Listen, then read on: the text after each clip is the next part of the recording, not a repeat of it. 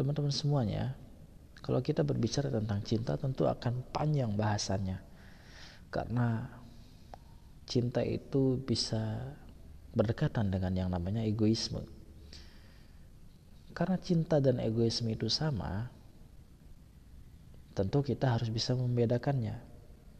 Bedanya adalah cinta itu disertai dengan sebuah pengertian, sementara egoisme itu tidak, teman-teman semuanya. Ya, nggak ada yang salah karena cinta memang merupakan anugerah. Namun ke mana cinta kita akan bermuara? Akankah sampai pada pantai kebahagiaan? Atau malah pecah di tengah lautan hayalan?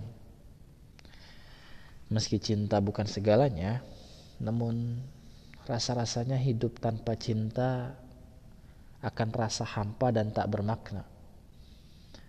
Cinta ini memang pisau bermata dua. Kadang berakhir sengsara, kadang juga menjadi bahagia. Bagaimanakah caranya agar kita tidak terjebak pada cinta semu yang dibelenggu oleh nafsu? Mari teman-teman semuanya kita simak di vlog Abu Yazanki bicara cinta.